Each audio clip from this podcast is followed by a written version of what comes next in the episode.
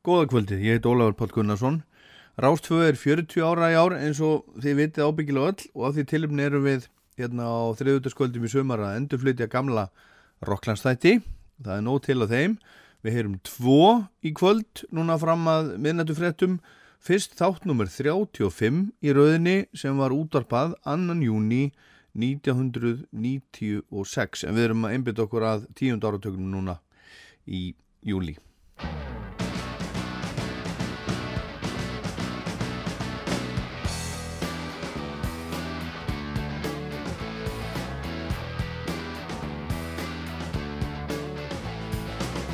Komið sæl, ég heiti Ólafur Póll Gunnarsson og þetta er þátturinn Rockland.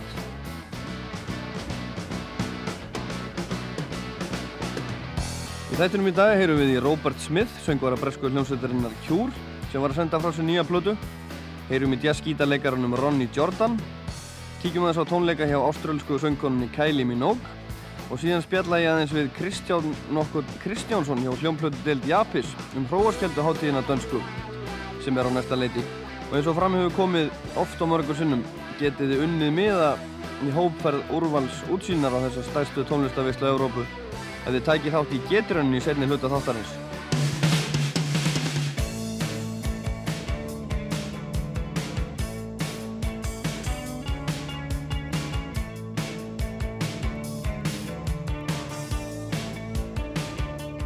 Hugarfóttur söngvaran sérkjænlega Robert Smiths var að senda frá sér tíundu breyðskífuna nú á dögunum. Platan heitir Wild Mood Swings og sveitin sem umræðir er að sjálfsögðu The Cure. Robert Smith var vandraða gemsi í æsku og lendi í útustöðum við bæði foreldra sína og lögguna heima í Crawley í Sussex á Englandi. Þegar Robert var 17 ára gammal árið 1976 stopnaði hann Cure undir nafninu The Easy Cure á samt æsku vinnu sínum bassarleikarunum Michael Dempsey og trommaranum Lawrence Tolhurst en hann söng sjálfur og spilaði gítar. Þannig skipuð sendi sveitin frá sér fyrstu plötuna sem heitir Three Imaginary Boys árið 1979. Áður en önnur skífan, Boys Don't Cry, var gerð árið 1980, hætti bassarleikarin Michael og síðan hafa mannabreitingar verið tíðar hjá Cure og Robert Smith er fyrir löngu orðin einn eftir af þessum tremur sem stopnuði hljómsveitina. Það hefur verið talað um The Cure sem stærstu neðanjarðar hljómsveit nýjund áratugurins og menn hafa verið mishrifnir á tónlistennar sem fjallar yfirleitt um hvað allt er mishefnað og Smith er uh, mjög þunglindisleg persóna. Hann hefur allatíð komið fram málaður, hvítur í framann eins og dauður og með eldrauðan varalit og með kolsvart litað hárið allt út í loftið. Minnir jafnvel dálítið á edda klippikrumlu nema bara dálítið eldri og feitari. Og núna í setni tíð er varaliturinn þannig að það er eins og snuttifræðingurinn hans sé eins og hálsás. Varaliturinn sér satt mjög mikið út fyrir varirnar. Kjúr vakti strax aðtegli árið 1979 með lögum eins og Killing an Arab þar sem þeir voru að hallmæla kynþáttahatri og því ofbeldi sem fylgir oft í kjálfarið. Kjúr kom upp í punkbylginu í Englandi en passaði ekki alveg inn í myndina svo það var búið til nýtt hugtak fyrir sveitina og tónlistennar og fyrirbæri kallað artpunk eða listamannapunk. Upp úr 1980 kom út plötur eins og 17 Seconds, Faith og Pornography svo einhverju sjónumdar og síðan 1985 kom platan Head on the Door sem innihelt lög eins og In Between Days og Close to Me. Hún var þó nokkuð vinsalessu plata, líka hérna heima á Íslandi. Vinsalasta plata kjór til þessa er líklega svo sem kom út 1992 og heitir Wish en hún inniheldur meðal annars lægi góða It's Friday I'm in Love sem gerir það gott á vinstallarlistum viða um heim. Nú er síðan tíunda breyskífan komin út og hún heitir Wild Mood Swings eins og við sagðum á hann eða brjálaðislegar geðsveiflur á íslensku og hún hefur víðast hvar fengið góða dóma. Robert Smith hefur mjög sérstakar rödd og sveitin hefur einnig alltaf hljómað mjög afgerandi. Þannig að maður þekkir hana um leið og maður heyrir íni þó svo að maður hafa aldrei heyrt lægið á þurr. Robert Smith er búinn að vera eins í 20 ár hvað var þar sviðsframkomu og tónlistastíl en hann segist engar áhugir hafa því að hann og sveitinnan séu kannski löngu komin úr tísku og þykir bara hallarisleg. No, I'm not not nervous. It's um, become very natural. I mean, it's a long time since the last one, but um, the the reasons for that are like myriad. And no, it doesn't make me nervous at all. I don't know, you know, like what our, our uh, current standing is, whether we're due for a backlash or if we've been away long enough for us to have like whatever the opposite is. Nei, Robert Smith segist engar áhugir hafa því að hann sé ekki í tísku í dag. Það er langt síðan síðasta plata kom út og það eru margar ástæðu fyrir því að þessi nýja plata kom ekki út fyrr og ég hef engar áhugir, segir Robert. Hann bæti við að hann viti ekki nákvæmlega hvernig staðan hjá þeim sé þessa stundina, hvort það sé komin tími á bakslag eða hefði anstæða. En skildi sveitin hafa fengið mörg bakslögu gegnum tíðina. I don't know. I've lost count. They, they, they come and go like the waves. No, it, it doesn't. I don't think it's ever really made any difference what, what's going on to what we do. It's not like we're kind of like oblivious to what goes on because I mean I, I'm a consumer as well as, like, as, as a creator. Robert Smith segir að bakslöfin komi og fari eins og öldur og sé löng og hættur að telja. Hann segir líka að það hafi aldrei skipt hann og sveitin en einu máli hvað hafi verið í gangi á hverjum tími tónlist. Því þeir heldu alltaf sínu striki og það sé ekki vegna þess að þeir fylgist ekki með. Well, just like you know, you, you, just listen to stuff, don't you, on the radio, just like think you kind of hear things. I mean, I'm aware of what's going on. I don't necessarily like any more of what's going on at the moment than I ever do at any given point in in history. But um, it, obviously, some of it filters through, and, and when I look back, I can see things that have altered what we've done. But um, it's never kind of follows what sounds right or what's supposed to be current, you know, what's supposed to be fashionable at the time. It's really immaterial to what we do. Maður fylgist með, hlustar á útvarpið og heyrir þar alls konar tónlist. En það er ekki þar með sagt að manni líki hún. Og síðan þegar litið er tilbaka sér maður að sumt hefur síjast burt og annað situr eftir, segir Robert Smith. Og hann bæti við að tónlist hjúr hafi aldrei tekið mið af ríkjandi tónlistarstefnum og þeir aldrei pælt í því hvaða sound væri í tísku á hverjum tíma. Þannig að það má gera ráð fyrir því að það sé ekki típist Britpop á þessari tíundu plötu kjúr. No, although I suppose we, you know, the, the criteria that most people seem to get labelled Britpop, so are we, because we come from here and we sort of play pop music in a funny way. So. But no, it isn't. Nei, Robert segir að Cure spili ekki Britpop en á samt vona á einhverju gaggrinendur eigi eftir að kalla þetta Britpop hjá þeim því hljómsveitin séu bresk og hún spili eins konar popmusik. Hvar skildi þessi nýja plata Cure, Wild Mood Swings, hafa verið búin til og tekin upp? Um, we've been in Jane Seymour's house doing the album. Já, platan var gerð í húsi sem er í eigu leikonunar Jane Seymour. Yeah, it's very nice. It's just that we've we've all- we've worked in residential studios for the last three albums, and it just seems really dumb just going somewhere and, and giving people a lot of money to use their gear. So we've bought our own gear and just we rented rented our house out. But it's um, be a bit of a wrench to leave because we've been there for over a year now. Robert segir að húsið hennar Jane Seymour sé mjög næs. Hann segir að við gerðum undanfærin að þryggja platna hafið leikt svona íbúðarstúdjó með öllum græjum og borgað miklar fúlgur fyrir sem sé mjög heimskulegt. Þess vegna hafið þeir bröðið á það ráði þetta skiptið að leigja húsið hennar Jane og kaupa sér græjur til að taka plötun upp. Og hann bæti við að það verði erfitt að yfirgefa húsið því hann og strákarnir séu búinir að búa þær í rúmt ár. Nýja platan sem kom út núna 7. mæ síðastliðin heitir eins og við sagðum Wild Mood Swings eða Vildar geðsveiflur en hvaða geðsveiflur eru þetta sem um er að ræða?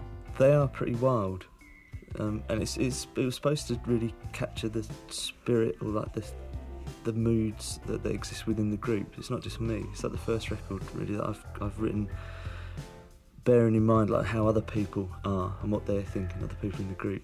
So um, it is pretty diverse. There are certain songs on there that aren't necessarily like my points of view or even like how I feel about things, but they're kind of reflecting my observations on other people.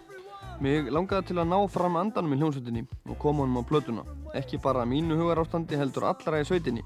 Og þetta er í fyrsta skipti sem ég geri það, segir Robert Smith. En hann hefur hingað til verið mjög svo upptekinn á sjálfum sér og sínum tilfinningum og upplifunum. En á þessari nýju plötu setur hann sig sem sagt í spór hinna í sveitinni líka og reynir að tólka þeirra skoðinir og hugmyndir í textum. because we've been living together a lot you know we, we've in the house we have sometimes there's, there's just us other times it's like up, up to 20 people staying there because it's words got around that we're there and there are some very long weekends going on. But um, it, it's good. I mean the, the, the positive sides of coming and living far outweigh the disadvantages you know like this, the, the fridge is a mess and all that sort of stuff but it's really nice to be able to like have people to, to do things with all the time. It's really good fun. I mean you get we get on so, so it's good fun. Við erum búin að búa saman, hljómsveitin, mjög lengi. Stundum er það bara við og stundum allt upp í 20 manns því fólk fréttir af okkur og kemur í heimsókn og stundum eru helgarnar mjög langar. Það er bara gott mál, segir Robert. Og hann er á þeirri skoðun að kostirnir við það að búa í svona komunu séu mun fleiri en ókostirnir Þó svo ískápurinn sé alltaf í rúst sé það meiri plús að hafa alltaf fólk í kringu sig til að eyða tímanum með og hann segir að þetta séu búin að vera skemmtilegu tími og mórallin í bandinu séu mjög góður. Nú er Robert Smith eiginlega kjúr? Er hann ekkert ráðríkur og hann ekki að stjórna mannskapnum þegar þeir að búa saman? Yeah, of. I've given up actually. I was when we first started living together. I'd really get in a state about because um, I, I'm, but I'm the only one that's actually got their own home.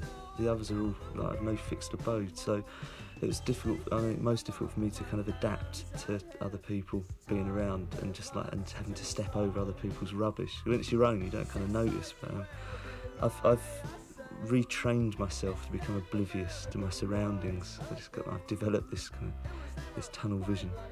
Robert reyndi að stjórna liðin í byrjun þegar þeir byrjuði að búa saman. Hann er svo eini í hljómsveitinni sem á almennilegt heimili, hinn er eiga ekkert fast lögaheimili og hann segir að það hefur verið dálítið erfitt í upphafi að laga sig að því að búa með fullt af fólki og vera alltaf að klofa yfir fullt af drastli eftir aðra. Það sé allt öðruvís að vera í drastli eftir sjálfan sig, þá tækir maður ekki eftir því. Robert endaði svo því að segja að hann hefði fljótt vanið sig að þessari vittlesu og láti fátt fara í tögarnar á sér í dag í sambandi við annað fólk. 3:01 a.m. I really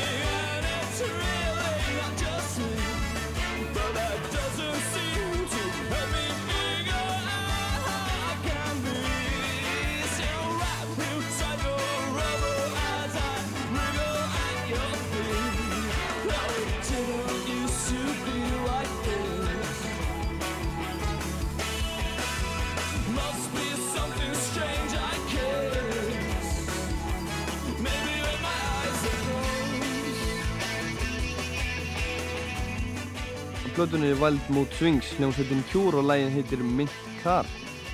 Nú eru þeir búin að búa saman, strákarnir í sveitinni, í heilt ár eins og fram hefur komið. En hvernig músik er hlustað á í húsinu hennar Jane Seymour?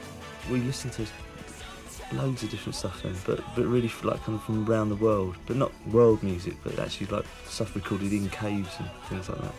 It really depends what time of the day or night it is and how much um, we've had to drink. Really, I mean, there's only everything. You know, Jungle gets played and Frank Sinatra. It's everything gets played. So I think uh, we're probably more aware of what goes on than, than um, most other people actually, because we've kind of you're more conscious. The thing is that when you start recording, or when we start recording, I very consciously don't listen to a lot of stuff to kind of release all the things that are built up inside me, and I don't really want to like, listen to other, what other people are doing. But once it's all there on tape, which it has been for quite a while now, you, you start to listen to lots more than you would normally, because I'm kind of thinking, well, I wonder what is out there, what am I missing, out, missing out on? Við hlustum á allskins tónlist, segir Robert Smith, frá öllum heimsóknum. Ekki heimstónlist, en við hlustum þó á tónlist sem er tekin upp í kofum og hellum út um allan heim. Það fer eftir því hvort það er dagur eða nótt og hvað við erum búin að drekka mikið hvað við hlustum á. Við hlustum á jungle tónlist, Frank Sinatra og bara hvað sem er. Og ég vissum að við fylgjumst betur með því sem er að gerast en flestir aðrir.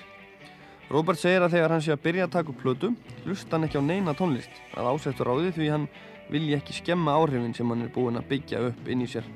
En um leið og allt er komið á segulbandið, byrja hann að hlusta á allt mögulegt og miklu meira en fólk gerir undir eðlunum kringustæðum. Því hann sé forvitin og velti fyrir sér hvað sé í gangi þarna fyrir utan og hverju hann sé nú að missa af. Þó svo nýja platana hefur verið tekin upp á hér um bil heilu ári var ætlunin önnur upphafi. Well, originally, which a, a couple of years ago, the, the, the idea was to go in and do an album in a weekend, just like a bit like the Cowboy Junkies did a few years ago, with like a string quartet and a, and a piano. And um, almost at exactly that moment, everyone seemed to leave the band, and I was just kind of left there. And so I had to have a bit of a rethink. Um, we had to like find um, a new drummer, and we had to uh, sort of replace Paul. And, and by the time we'd, we'd started recording, because we actually used seven different drummers. We had them all living there for a week at a time with us, just to see which one we got on with best. Fyrir tveimur árum fekk Robert á hugmynd að fara í stúdíó og taka upp plötu á einni viku með strengjarsveit og píanói, svona líkt og hljómsveitin Cowboy Junkies gerði fyrir nokkrum árum. En akkurat á þessum tíma hætti hluti á hljómsveitinni þannig að Robert þurfti að hugsa þetta allt upp á nýtt og hugmyndin með strengjakvartettin fór í vaskinn. Fyrir þessa nýju plötu þurfti meðal annars að finna nýjan trommara og á upptökunum sem endur á plötunni spila sjö mismunandi trommarar. Og hver þeirra um sig bjó hjá þeim í viku tíma í húsinu. Og eða nógu lengi til þess að hinir í bandinu sæju hver þeirra hentaði þeim best. just using them to kind of like play different different styles and different things actually led me into thinking well we should do an album that's really kind of varied really diverse. So we've recorded about 30 songs now I mean, we, we just had we had so the thing is we've had so much fun over the, the last year living together because the album's almost become secondary and it's almost like we keep thinking well let's just do one more song because no one actually wants to stop. And we've had to give ourselves this deadline of saying well we, we really do have to release this you know it has to have to let it go. And so it's actually today that I'm cutting it so that it becomes real and I have to hand over the tapes and, and then we have to leave Jane Seymour's house. It's a bit sad really. Það að nota svona marga trommara og láta þá spila allskins músík leiti til þess að platan var mjög fjölbreytt. Þeir höfðu úr um það byrju 30 lögum að velja og 13 þeirra enduð á plötunni sem hefur víðast hvar fengið góða dóma eins og ég sagði á hann. Við erum búin að skemmta okkur alveg frábælega þetta síðast ár, segir Robert Smith. Það er búið að vera svo ánægilegt að búa svona saman og plötugerðin er búin að vera í öðru sæti og við vildum alltaf gera eitt lag enn og eitt lag enn því enginn vildi að þetta tæki enda. En einhver tíman tekur allt enda og það var mjög erfitt að afhenda upptökurnar og yfirgefa húsið hennar Jane Seymour og reyndar hálf sorglegt.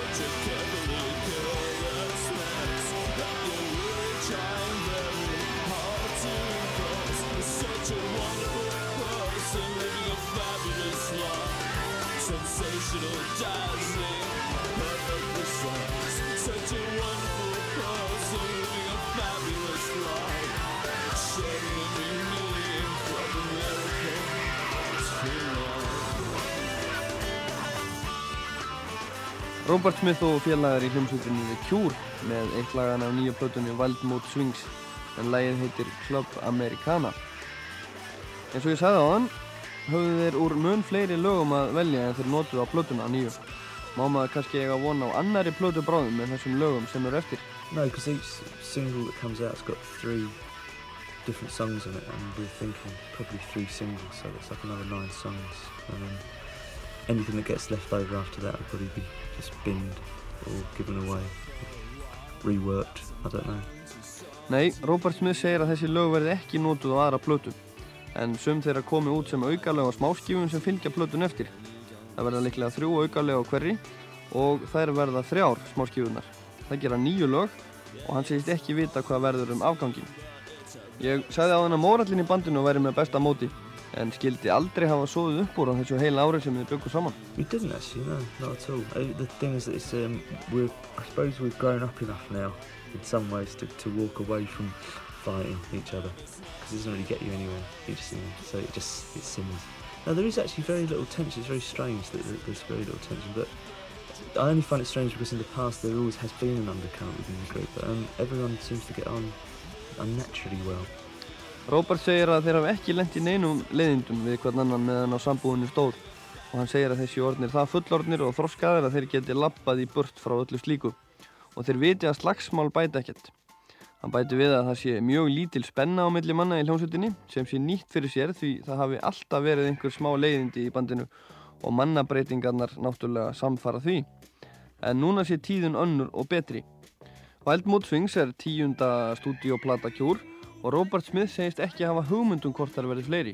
I always like, like get everyone that's in, in the group at the, time that we're making an album to believe it is the last album, and I believe it as well. It, it, it, I approach every album that we do as being the last one, and it could well be. I mean, one of them has to be, I suspect, and it could be this one. I don't know. I mean, I hope it isn't because it's been really good fun. I'd love to do another one, but um, if it is the last one, then I'd be sort of pleased because it's it's the best one. Ég vil alltaf að þeir sem eru í hljómsveitinu á hverjum tíma þegar verið er að taka upp plötum hugsi sem svo að þetta sé síðasta platan sem þessi hljómsveit gerur og ég trúi því líka, segir Robert Smith. Ég nálgast hverja plötu sem þá síðustu og þessi gæti vel verið svo síðasta, einhver verður jú að vera síðust. Hann segist að vona að þessi plata sé ekki endirinn því sé búið að vera svo gaman að búa hana til og hann langar mikið að gera nýja plötu við fyrsta tækifæri. Robert endar síðan málsitt á því að segja að ef að þetta sé síðasta plata kjór sé hann raunverulega mjög ánæður með það því þetta sé svo allra besta.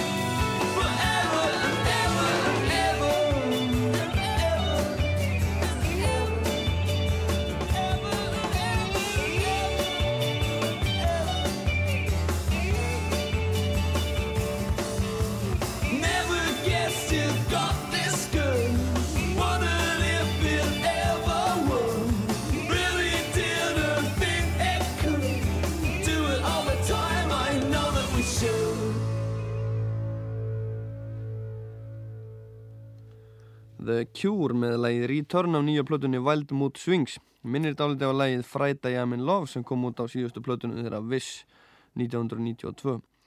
En myndbandi við það lag fekk fyrstu velun á nýjundu MTV hátíðin í Los Angeles 9. september 1992.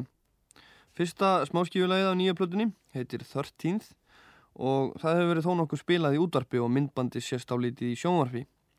Við þetta allt saman er svo að bæta að hljómsveitin er komin á stað í tónleikaferð sem ber heitið The Swing Tour og núna síðasta förstu dag var hann að spila í Earls Court í London og þar á undan í Birmingham og Manchester. Þú ert að hlusta á Rockland á Rástvöðu. Söngkonan Kylie Minogue sem syngur svo undurfagurt með landa sínum ástralanum Nick Cave í leginu og morðsögunni Where the Wild Roses Grove er í tónleikahotni þáttarins að þessu sinni. Kylie fættist í Melbourne í Ástralíu 28. mæ 1968 og er í því, því nýlega orðin 28 ára gömul sem þykir ekki háraldur en samt á hún að baki heil 17 ári í skemmtanabransanum. Árið 1979 fekk hún nefnilega hlutverk í sábúoperu heima í Ástralíu. Næstu árin leik hún í hverri sábúoperunu á annari og þar á meðal í þeim frábæru þáttum nágrannar. En árið 1987 var hún byggðun að koma og syngja eitt lag á fótboltaleik í Sydney sem hún gerði og lægi sem hún valdi var gamla lægið Locomotive. Framistæða Kæli vakti því líka aðtegli að forsvarsmenn Mushroom útgáðunar böðinni samning með það sama. Locomotive var gefið út og það sló svona rækilega gegn út um allan heim. Hún komst í samband við breska upptökustjóran Pete Waterman og félaga hans Stock og Aitken og þeir sömdu fyrir Kæli næstu árin. Það samstarf bar svo sannlega árangur og á þeim fimm árun sem allt leki lindi kom Kæli 31 lagi í fyrsta sæti vinsaldalista, 128 löguminn á top 10 og seldi næstum 13 miljónir platna og 11 miljónir af smáskífum. Og ég er að sjálfsögða að tala um allan heiminn núna. Árið 1993 fannst Kylie nógu vera komið að þessu samstarfi þar sem henni fannst hún hafa alltaf lítið að segja um þá tónlist sem hún hljóðuritaði og flutti. Og hún gerði samning við Deconstruction Records þar sem henni voru gefnar alveg frjálsar hendur til að gera það sem henni langaði til. Hún fekk til liðsvisi marga virta og fræga tónlistamenn á þessa, þessa fyrstu plötu sína og hún fekk góða dóma fyrir hana víðaskvar. Ég er með undir höndum tvö lög sem hún hljóðritaði hjá BBC fyrir stuttum þar sem hún syngur svo undurfagurt með aðstóð píanóundilegs. Fyrra lagið er úr smiðju hljómsveitarinnar Prefab Sprout ef einhver mann eftir henni og það heitir If You Don't Love Me. You can tell me anything. You can tell me anything. I believe you. You know it too. Shame the truth with lies. Say the sun won't rise. Only realize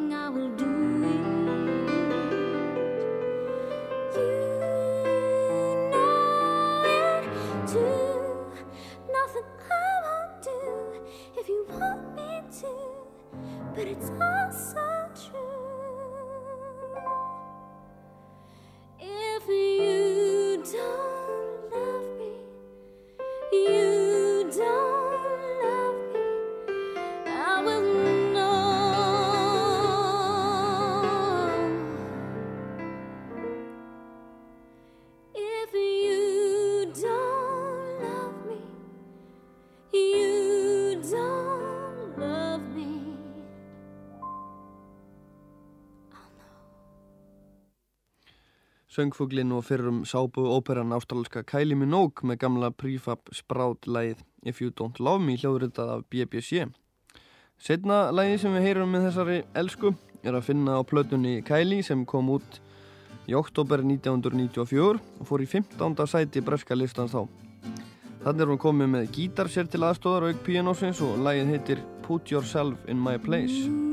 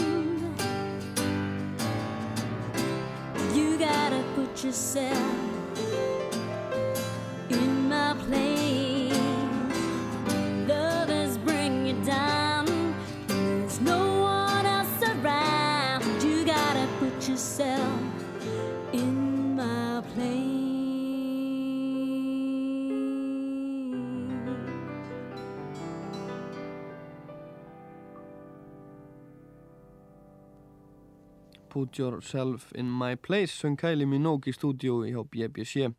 En þetta lag er að finna á plötunum sem kom út fyrir tveimur árum og heitir einfallega Kylie Minogue.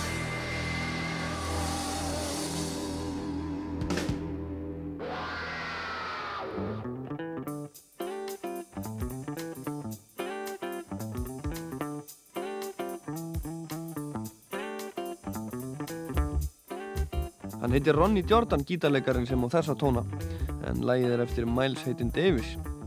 Ronny þessi er jazz gítarleikari sem sendi frá sér plötuna The Antidote sem vinni heldur þetta lag So What árið 1992. Tónlistan á plötunni er eins konar blanda af jazz og hip-hop tónlist sem var dálítið á skjön við annað sem var í gangi á þessum tíma. So What opnaði eirum miljóna nýra Miles Davis aðdáenda út um allan heim og Ronny Jordan var flokkaður sem acid jazz músikant sem hún líkar ekkert sérstaklega vel. Hann var á dögunum að senda frá sér nýja plötum og áður en við heyrum lag af henni skulum við heyra aðeins hvaða skoðanir þessi flinki gítaristi hefur á tónlist. I'm not just into one style of music. I always believe that there's two kinds of music, good and bad. So I just like good music, whatever the style. Já, Ronny Jordan er með mjög ákveðnar skoðanir á tónlist og ég held ég verði bara að taka undir þetta hjá honum. Það eru bara til tvær tegundur á tónlist, góð og vond og þá skiptir engu máli hvaða stefna það er. Þó svo að What hafi slegið í gegnum allan heim var þó eitt sem skegði á gleðina. The sad thing about that was the night I completed that record, Miles died. And I was writing Miles a letter. And then I just went, oh no. And it was really sad because we were trying to get Miles to get the video done. Jordan segir að það hafi verið sorglegt en nóttina sem hann kláraði plötuna fekk hann þær fréttir að Miles var í látin og hann var einmitt að skrifa kallinu brefi þann mun sem fréttina bárust og Jordan ætlaði að byggja Miles um að koma fram í myndbandinu við lagið So What. Ronny Jordan er illa við að vera kallaður jazz tónlistamæður og hvað þá acid jazz tónlistamæður. Well, certainly not NASA jazz. I'm not too happy about that. I much prefer the term urban jazz. Let's change it. You know, it's really more a combination of everything. Já, ekkert acid jazz kæftaði hér, segja Ronny Jordan. Hann vil frekar að tónlist hans sé skilgreind sem urban jazz eða borgar jazz. Það sé meira svona blanda af öllu. Hvernig lýsir hann nýju plötunni sinni? Just wanted it to be a kind of album where you can just put on your player. You just leave it. Just let it run from start to finish. Just let it go round and round again. Mig langaði bara að gera plötu sem þú getur sett á spilaran hjá þér og látið hann að rulla og rulla endalust, segir Jordan, frá upphafi til enda. Basically, this album, I would describe it as being an album with 70s feel with a 90s approach.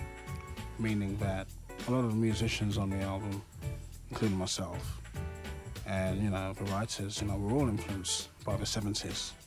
For us, that was the period where music was pretty happening. I mean, the 60s was kind of nostalgic in certain ways, you know. For songs, it was great. But the 70s was when it really went to a next level, mm. you know, in terms of soul and R&B. Basically meaning that soul and R&B became more deep fried. And jazz, you know, in all, became more adventurous. Ég geti líst þessari plötu þannig að á henni væri andrúnsloft 8. áratögarins með stíl þess tíunda, segir Jordan. Það sem ég á við er að margir þeirra sem spila á henni og sömdu lögin, þar með talin ég sjálfur, eru undir miklum áhrifum frá tónlist 8. áratögarins og fyrir okkur er það tíminn sem allt gerðist í þessari tónlist. Sjöundi áratögarinn einkendist álítið af nostalgíu, það var góður tími fyrir sönglög, en á þeim áttunda breyttist mikið í sálar og rithma og bluestónlist og jazzin var frjálsari. It was adventurous from the 60s. You have to understand there's Miles Davis there doing this jazz rock thing. But, I mean, that period was, for me, very productive.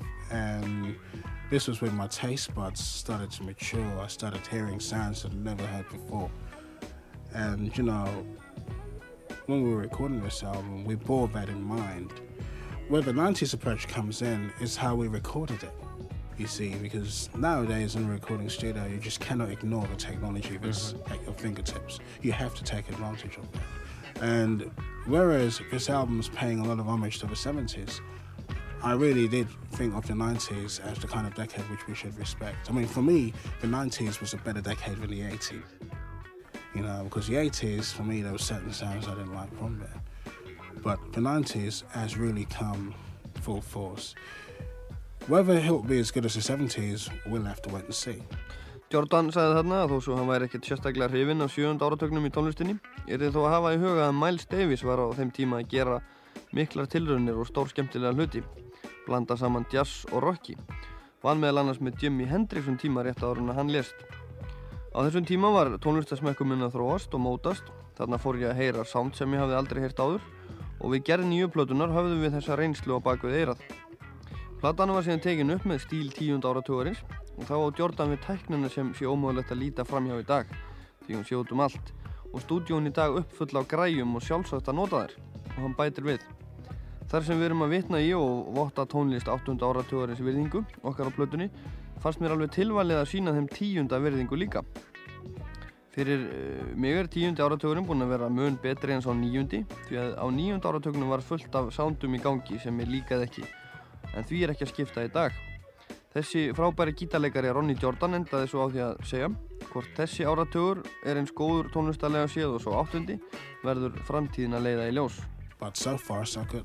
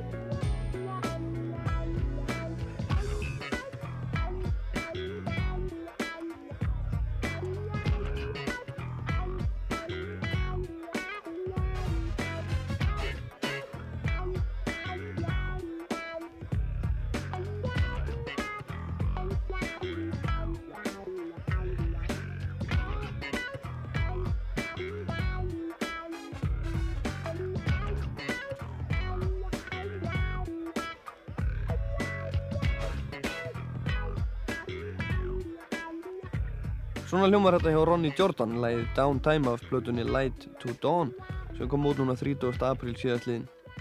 Urban Jazz vill hann þetta sér kallað, hvort sem það er í gríni eða alvöru. Skemmtilega músík hjá honum en hvort hún ná eftir að lifa eins lengi og tónlist Miles Davis og slíkara snillinga á tíminn eftir að leiða í ljós.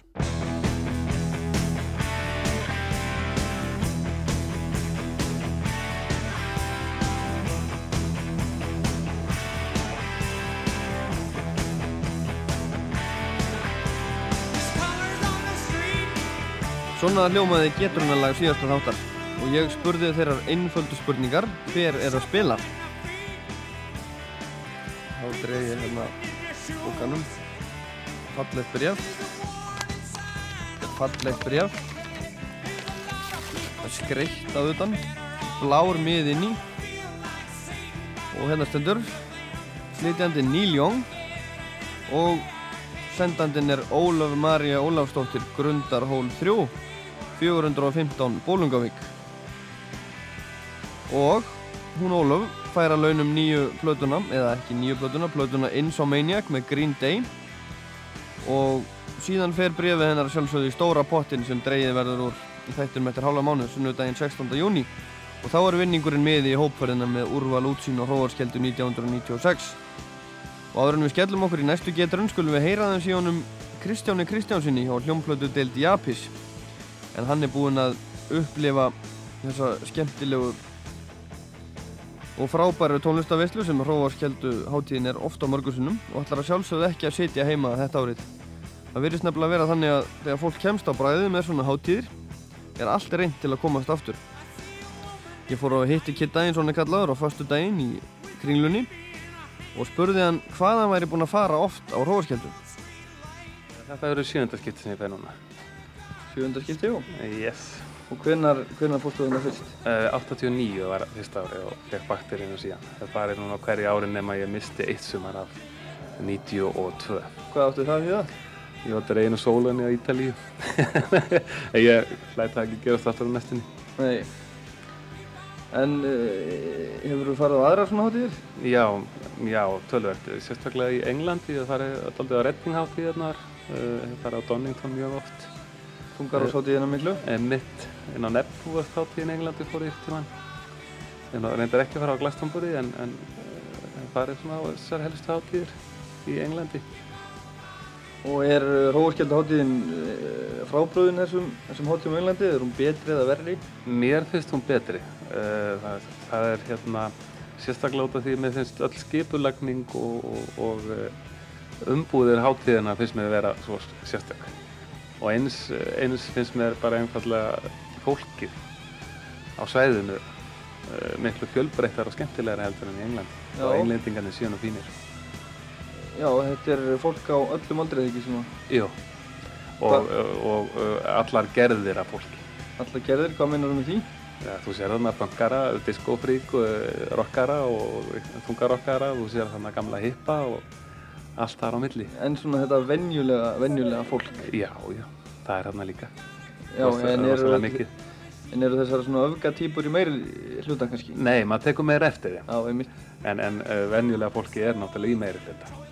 Þegar við erum að tala um á þessum hátum er 90.000 manns. Og maður snýr sér ekki við nema maður sjá eitthvað spes. Já, einmitt.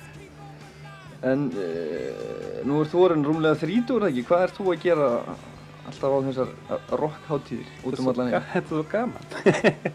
það, það aldrun hefur ekki með þetta að segja. Ég, ég byrjaði að stundi þetta svona í kringum tvítugt, sko, þá byrjaði ég, fór ég fyrstu Donington hátíðina og síðan má segja að ég hafa eiginlega farið eitthvað á hverju ári. Það gefur mann einhverja ákveðna endur nýju nýju tónlistinu, maður náttúrulega vinnur við þetta og, það er að fylgjast með og, þetta er langskemmtilegasta leiðin til þess að gera það. Já, já.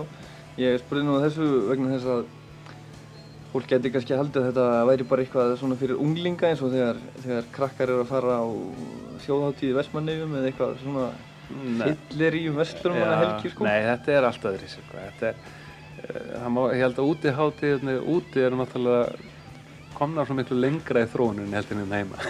Fólk fer ekki að til þess að bara til þess að fara á fyllir eitthvað svoleiðis. Fólk fer að til þess að horfa á ljónsettir, hafa, hafa gaman, hitta hana fólk og þú verður ekki mikið var við blinda fyllir eins og hérna heima sko. Það er langt í frá. Hvernig er með svona aðstöðu þarna? Eh, Því að nú er þetta, eh, þú þarfst að vera þarna í fimm daga, en ekki? Já, ég hef alltaf sagt með róaskelduna að langt besta dæmi um góða aðstöðu það er alltaf klósipappir á klósitunum sem þýðir það að þeir, þeir standa sér mjög vel í því að, að, að með alla aðstöðu. Það er ágæti styrta alltaf þarna, mann getur með að segja heitt baði, mann ennir að lappa hans. Hvað er þetta lengi? Svona, það fyrir náttúrulega eftir hvar þú ert á sæðinu, kannski 10 mínúna radíus eitthvað, 10-15 mínútur. Þannig að það, og þeir eru meira segja með, sko, sem ég reyndar aldrei pröfa.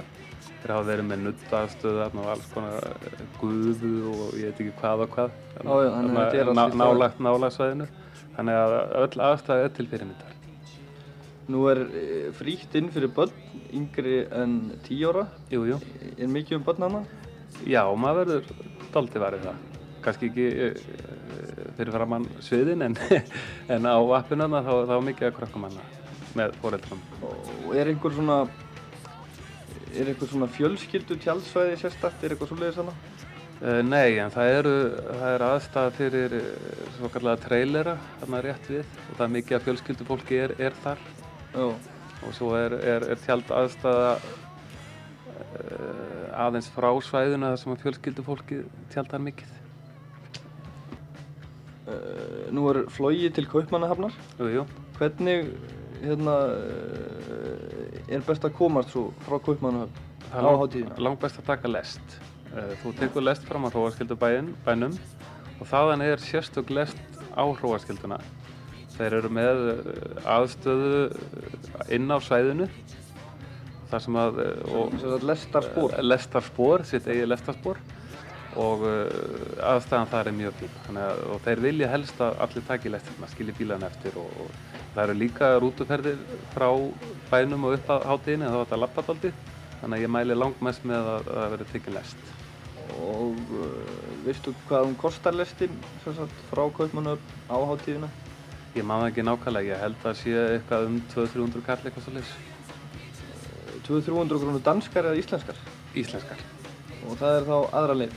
Já, Uh, nú er það 90.000 miðar eða ekki sem að þeir selja jú. á þessu hátíð. Jú, og þeir eru víst uh, langlæsti seldir. Já, nema hérna á Íslandi. Já, já, það er eitthvað til, til að miðum hérna ennþá en, en þeim er, er öruglega farið að fækka. Nú ert þú með hérna nýjustu fréttir af internetinu á hátíðinni, er eitthvað sem, að, eh, sem er nýtt komið inn? Já, það er nú nokkra nýjar hérna sem var að rekast á. Alanis Morissette til dæmis og uh, Slayer var að beita sér svo það er nú gott fyrir svona rockhausins og mig. Cypress Hill sé hérna líka. Cypress Hill var nýkomið inn aðna, Grantley Buffalo, Jesus Lizard, Johan Osborne, Josh Wink, Leftfield, Ministry, Paradise Lost, Presidents var náttúrulega kominn. Já. Svo var náttúrulega eins og Against the Machine, Red Hot Chili Pepper, Já, Neil. Young, Nick Cave og allt það hefur sko. komið fram áður í þættinum. En er eitthvað sem að hefur dottið út? Já, það eru þrjár, þrjár hljómsveitir dottnað út. Uh, Garbage, þeir eru eru eftir að fara að túra með Smashing Pumpkins og reynda lengi orðaði við hátíðina en, en verði ekki. Edwin Collins datt út af því að trómuleikarinn hans hann stakk af og stofnaði sex pistól aftur með félagum sínum. Já, já. Og Bob Dylan var eitthvað í fílu þannig að hann, verður ekki að spila. Hann ætla, ætlaði að spila en eitthvað, eitthvað kom upp á greinlega, hann, hann, hann er dottinn út. En svona mestuleiti er þetta komið sínist mér og það er náttúrulega eitthvað eftir að bæta sér svona síðust stundu en, en þetta er alveg ótrúlega gott prógram með það núna, eins, og, eins og alltaf reyndar. Nú byrjar hátíðin á fimmtudegi ekki og stendur til sunnudags. Jú, Hvenar eh, svona myndið þú mæla með því að fólk flýi út sem vanur hróaskjöldu fari? það er best að fljúa út á uh, þriðjudegi, seinasta lega miðvikudegi. Því að þá, þá, þá ertu komin á svæðin og nokkuð tímalega. Því að setnipartin á miðvikudegi og fimmtudegi er alltaf þetta tróðfullt. Þannig að til þess að ná góðu tjálstæði þá mæli ég með að fara sér fyrst, helst á þriðjudegin. Sagði Kristján Kristjánsson hróaskjöldu fari. Og þá er ekki eftir neina að býða og við skulum heyra geturnulega þessa þáttar. Og sá sem flytur er eitt þeirra listamanna sem kemur fram á hróaskjöldu hátíðin í ár.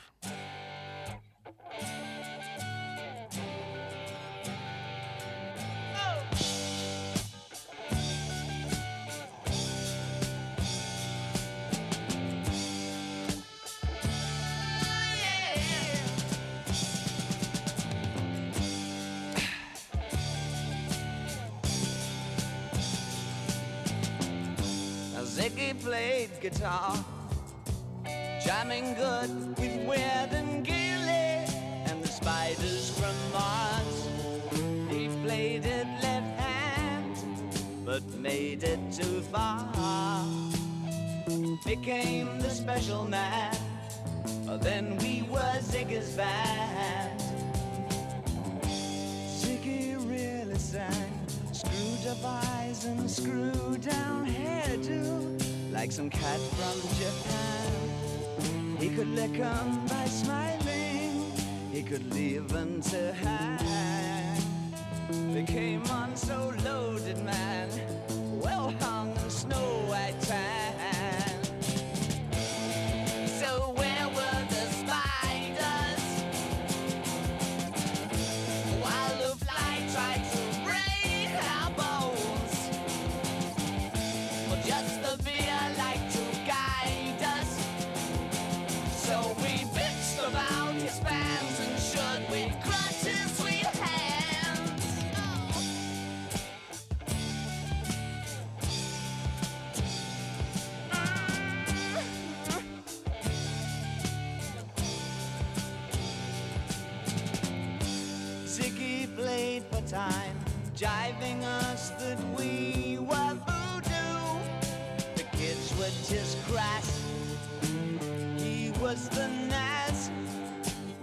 with God-given ass.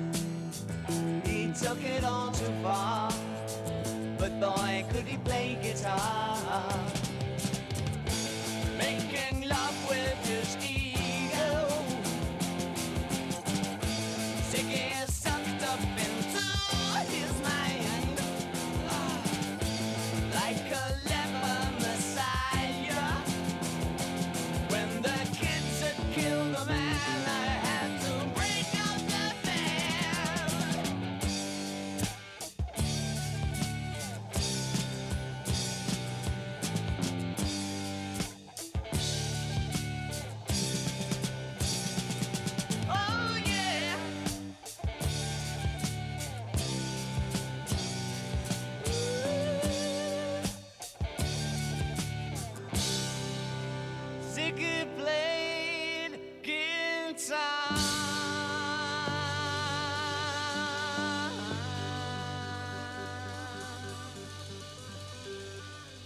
Svona hljómar geturinn að læði hjá okkur í dag og ég spyr, hvað heitir þessi náungi sem syngur? Hver var að syngja þetta lag? Og í verðlaun er nýja platan með kjúr, Wild Mood Swings, sem Robert Smith söngveri sagði okkur frá hérna áðan. Og síðan verða öll insensur sett í pottin stóra sem dreigir verður út 16. júni. Og þá er vinningurinn miði í hópferð úrvals útsýn. Á Hróarskeldu 1996 flug og aðgöngum miðið að verðmæti 37.100 króna.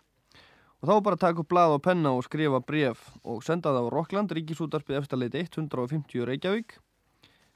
Eða senda fax og það er númerið 5153 678 5153 678 og verið nú duglega að vera með.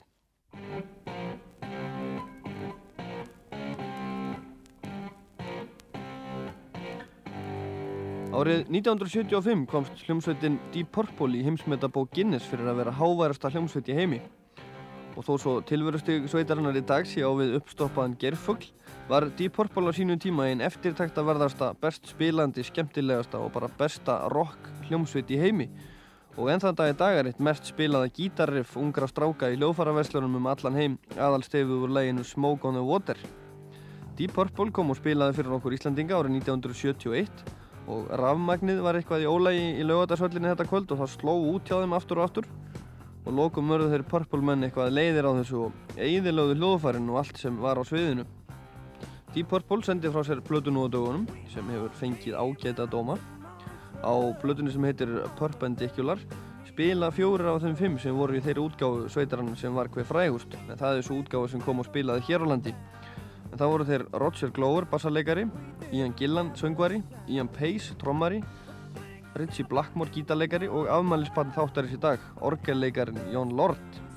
En hann verður 55 ára núna 9. júni næstkomandi og við óskum honum að sjálfsögðu til hamingju með daginn. Þó svo að hugtækið heavy metal hafi verið búið til í kringum tónlist Led Zeppelin á sínum tíma, finnst mér alltaf að Deep Purple leiði þennan titil, fyrsta heavy metal bandið. Purple hefur einhver hluta vegna ekki staðist tímans tönn nærri eins vel og til dæmis Led Zeppelin. Hvernig ætli standi nú á því?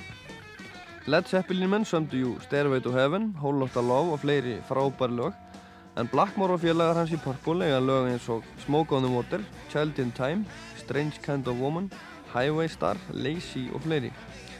Ég hugsa til lengri tíma liti komi menn til með að muna vel eftir Deep Purple sem einni af fyrstu og fremstu rockljómsveitum heimsins. Einni af þeim sem bjuggu til þetta harða rock sem allir eru vittlisur í síðan. Og kannski eru þeir ekki eins mikil smetnir í dag og kollegar þeirra Plant og Page vegna þess að einfallega þeir þurftu ekki að leggja sveitina niður fyrir 20 árum vegna dauða einhvers í sveitinni. Og hafa verið að berjast fyrir tilveru sinu síðan með því að gefa út plötur undir nafni Deep Purple og öðru korum kannski til að eiga fyrir salt í grautin.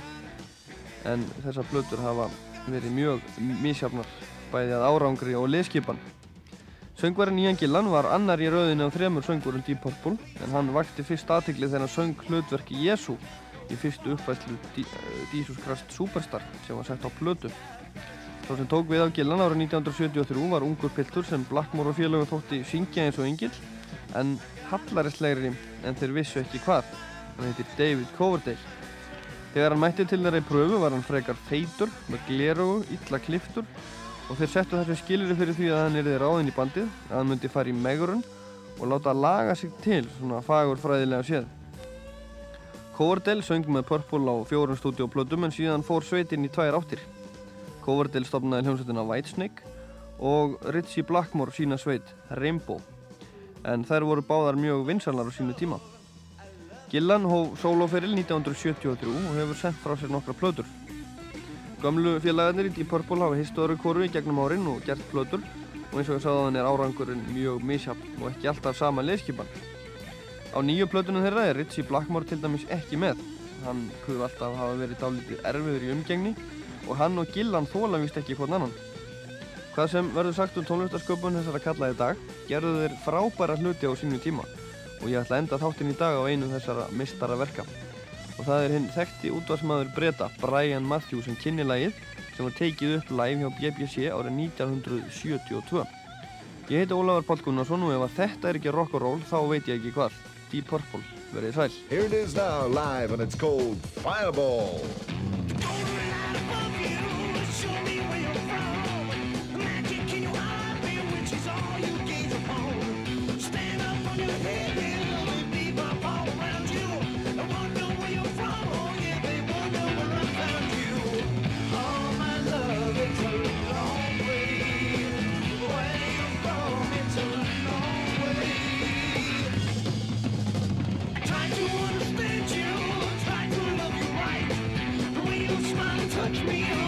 my world.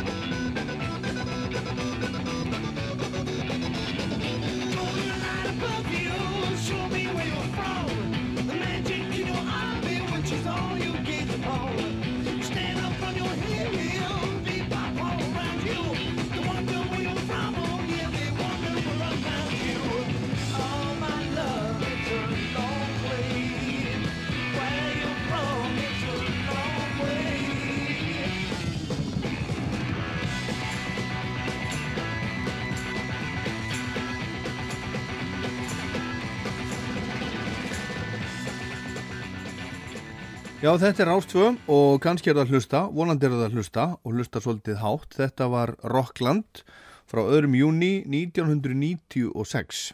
Endur fluttur í kvöld í tilumna 40 ára amali Rása 2 2023. Rockland er í fríi á sunnudögum í sömar en á þriðudagskvöldum í júli endur flytjum við gamla þætti frá tíund áratögnum. Og við ætlum að heyra annað þátt, nú ætlum við að heyra þátt nummer 53, 53. Rocklands þáttinn Hún var útarpað 7. oktober 1996.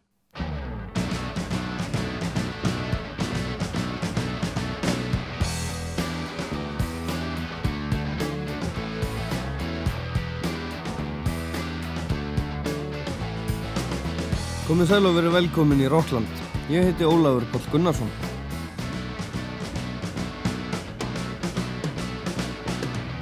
Í þættinum í dag heyrum við viðtal við Brett Anderson, fórsprakka sveit. Heyrum við viðtal við tvo meðlema bresku sækadelju sveitarinnar Kula Shaker. Förum á tónleika með Sleeper og heyrum svo aðeins í AC/DC og Sting.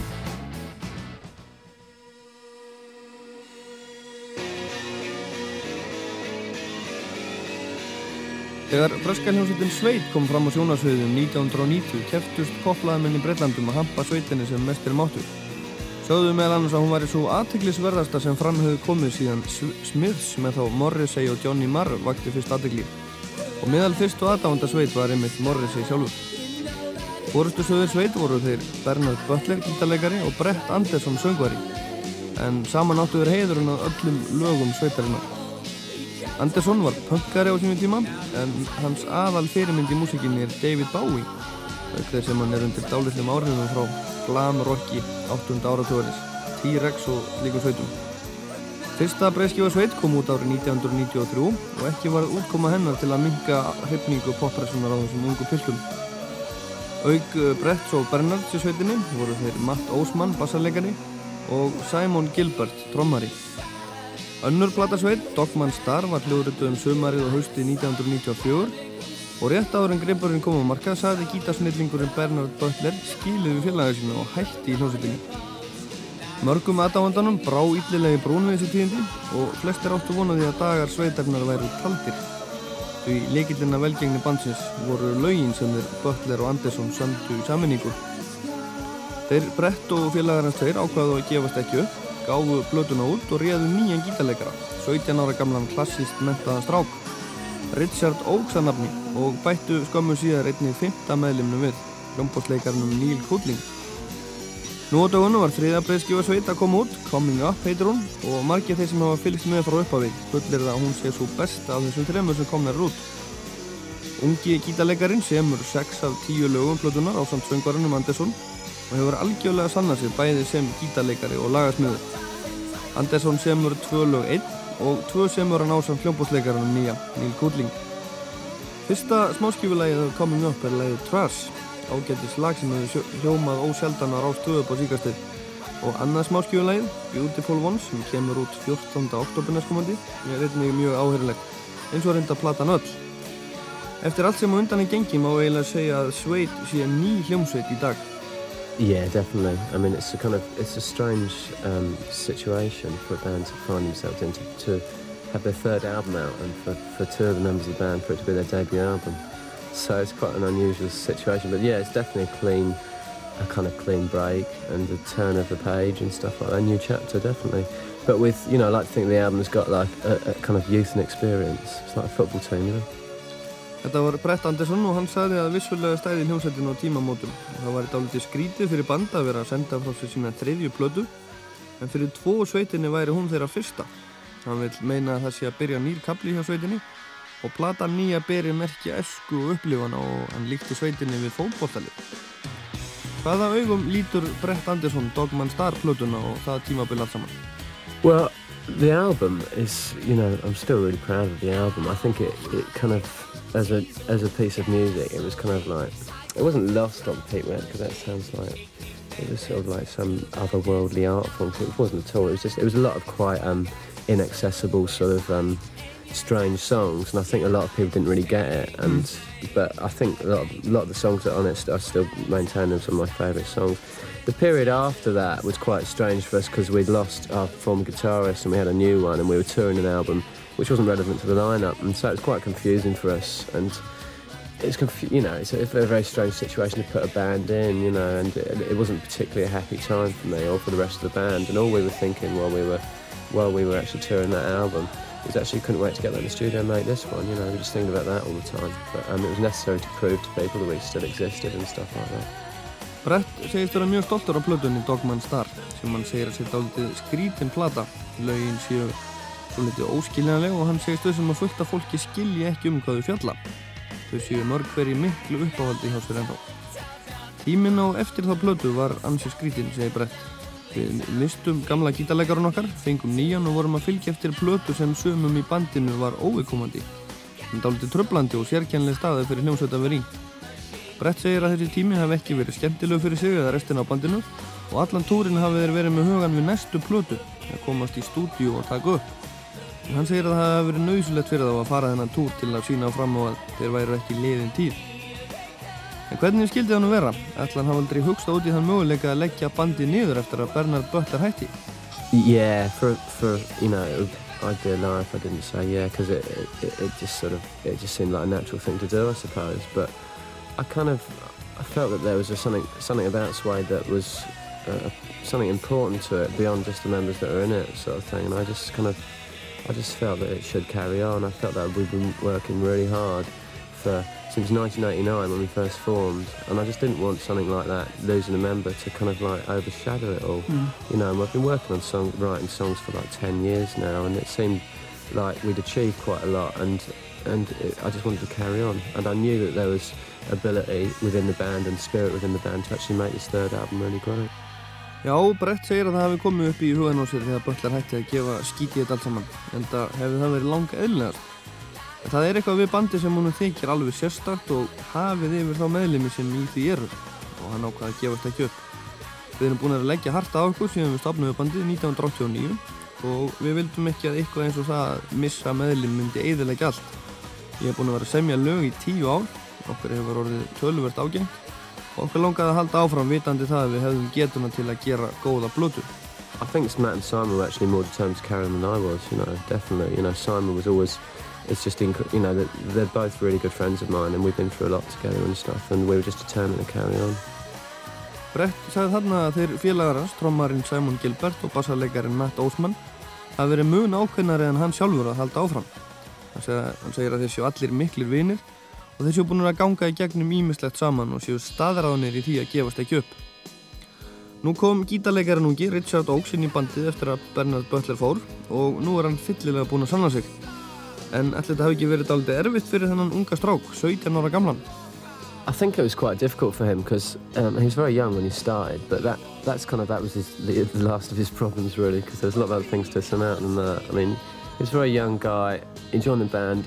Mentally, he was a lot older than lots of people would have thought. He's incredibly capable of dealing with things. He's quite a strange guy, and he's kind of almost like a 65-year-old bloke inside a inside a 19-year-old's body. It's odd, but um, it was difficult for him because you know he'd kind of come into this band and he was playing someone else's lines and playing someone else's songs, and I think that's kind of a bit of a blow to someone's ego, and it's very hard for him those that time when we were touring Dogman Star.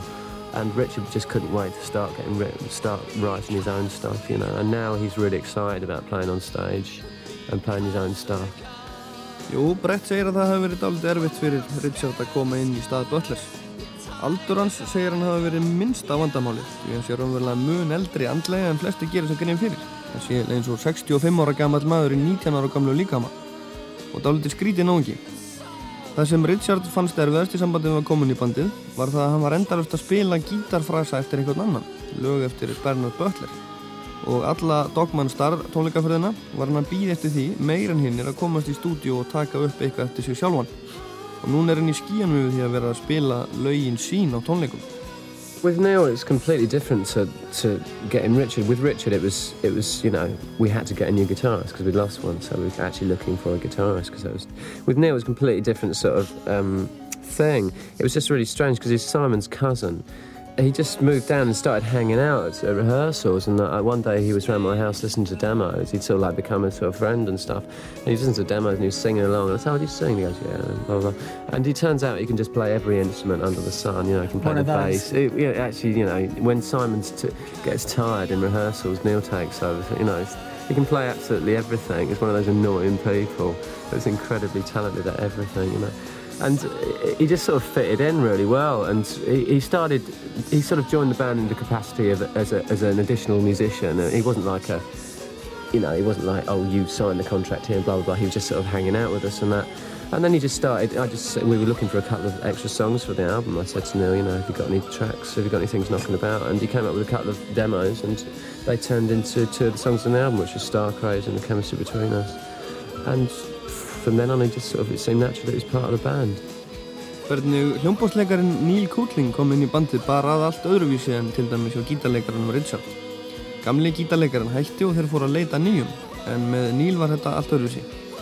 Neil Kutling er nefnilega frendi trommarans Simon Gilbert og var svona þvælast með þeim á æfingum og slíkt. Einn daginn voru þeir strákarnir heima hjá Brett að hlusta á demo og frendin, hann Neil, fer að raula með læginu og Brett spyr hann hvort hann getur sungið og Neil segi já. Þá fara þær eitthvað að spjalla saman og upp úr kafinu kemur að pilturinn getur bara spilað á hvaða hljóðfæri sem er, hann gerst undrabann. Eftir þetta fekk hann að spila með þeim á æfingum og allskins auka hljóðfæri og svo leysir hann af þá Simon frendar sinn, trommara og Matt þeir verða ofsalega þreyttir á æfingum. Brett segir að hann hefði eiginlega bara runnið inn í bandi af sjálfu sér. Þetta hafi aldrei verið neitt ákveðið. Hann var aldrei ráðinn í bandi formlega. Þegar til kom átti Neil líka nokkur demo og tvö þeirra urðu eftir dálitla meðhöndlun Bretts að lögunum Star Crazy og The Chemistry Between Us. Og eftir fæðingu þeirra fannst drákonum eðlilegt að hann yrði hluti af sveit.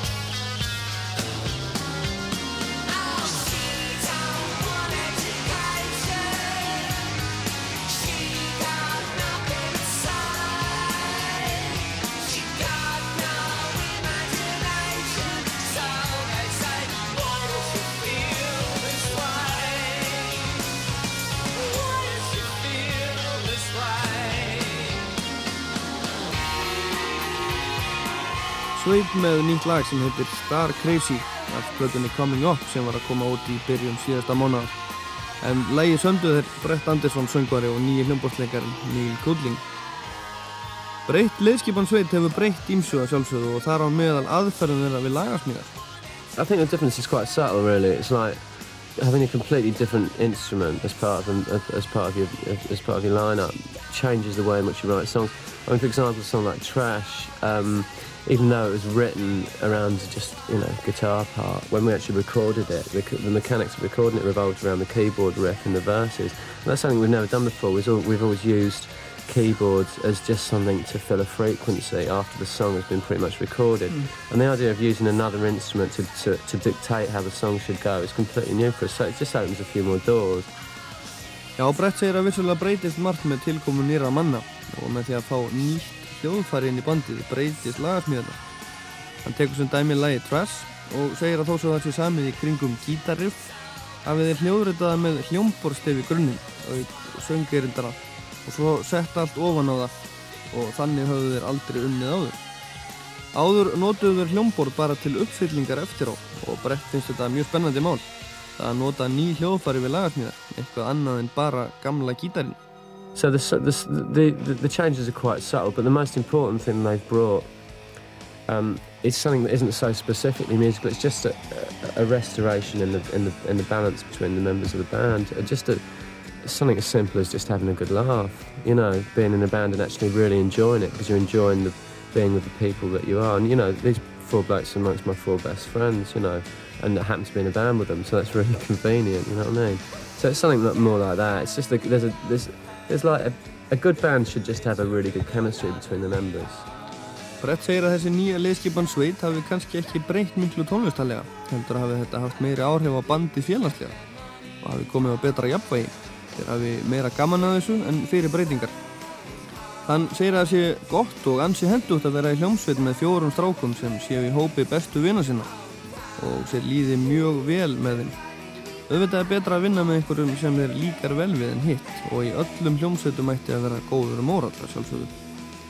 Nú er nýja plata sveit álitið frábröðin síðustu plötu þar á undan, Dogman Star. Hvernig skilgreinir brett munin á millið þeirra? I think it's, to be quite honest, I think it was pretty much, uh, um, the sound of this album was pretty much a, a reaction to the sound of the last one. I think, you know, everything you do is, you, you kind of like, you just go through these periods, don't you? You just want to change slightly. And the last album was just so dark and quite epic and quite tortured and quite hard work in places. But I wanted to do just something completely different and I wanted to make a pop album again. And I wanted all, all I wanted it almost to be a completely different thing. The last album was almost designed, was written sonically as a concept album almost, not lyrically.